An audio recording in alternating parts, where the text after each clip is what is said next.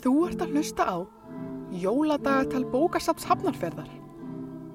Jólasaga þegar stúfur týndist eftir hremmu. Höfundur les. Annar kabli.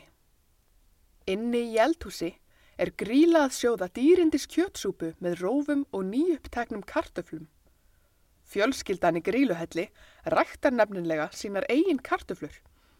Gríla notar flestar þeirra í eldamennskuna en sumar enda þó hráar í skónum hjá óþekkum krökkum. Á meðan gríla eldar þá syngur hún uppáhaldslægið sitt sem hún samdi eftir stóra þrifadægin í frostavetrinu mikla árið 1918. Tekstin hennar grílu hljómar svona. Jóla sveinar skúra gólf sem gríla þreif með vendi. Leppalúði vaskar upp með eina brotna hendi.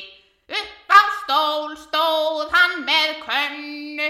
Misti síðan jafnvægið og höndin rakst í pönnu. Upp á stól stóð hann með könnu. Misti síðan jafnvægið og höndin rakst í pönnu. Með miklum tilþrifum syngur gríla síðustu línuna og tekst einhvern veginn að skvetta kjötsúpu á hrjúvan klettavekkin. Lægið fjallar um óhapp sem leppalúði varð fyrir er hann stóð upp á stólað vökva grílukerti. Honum skrikaði skindilega fótur og rak höndina í pönnu með þeim afleðingum að hún brotnaði. Höndin en ekki pannan. Leppalúði gólað af sársöka unn skríla komanum til bjargar og setti brotnu höndina í fatla.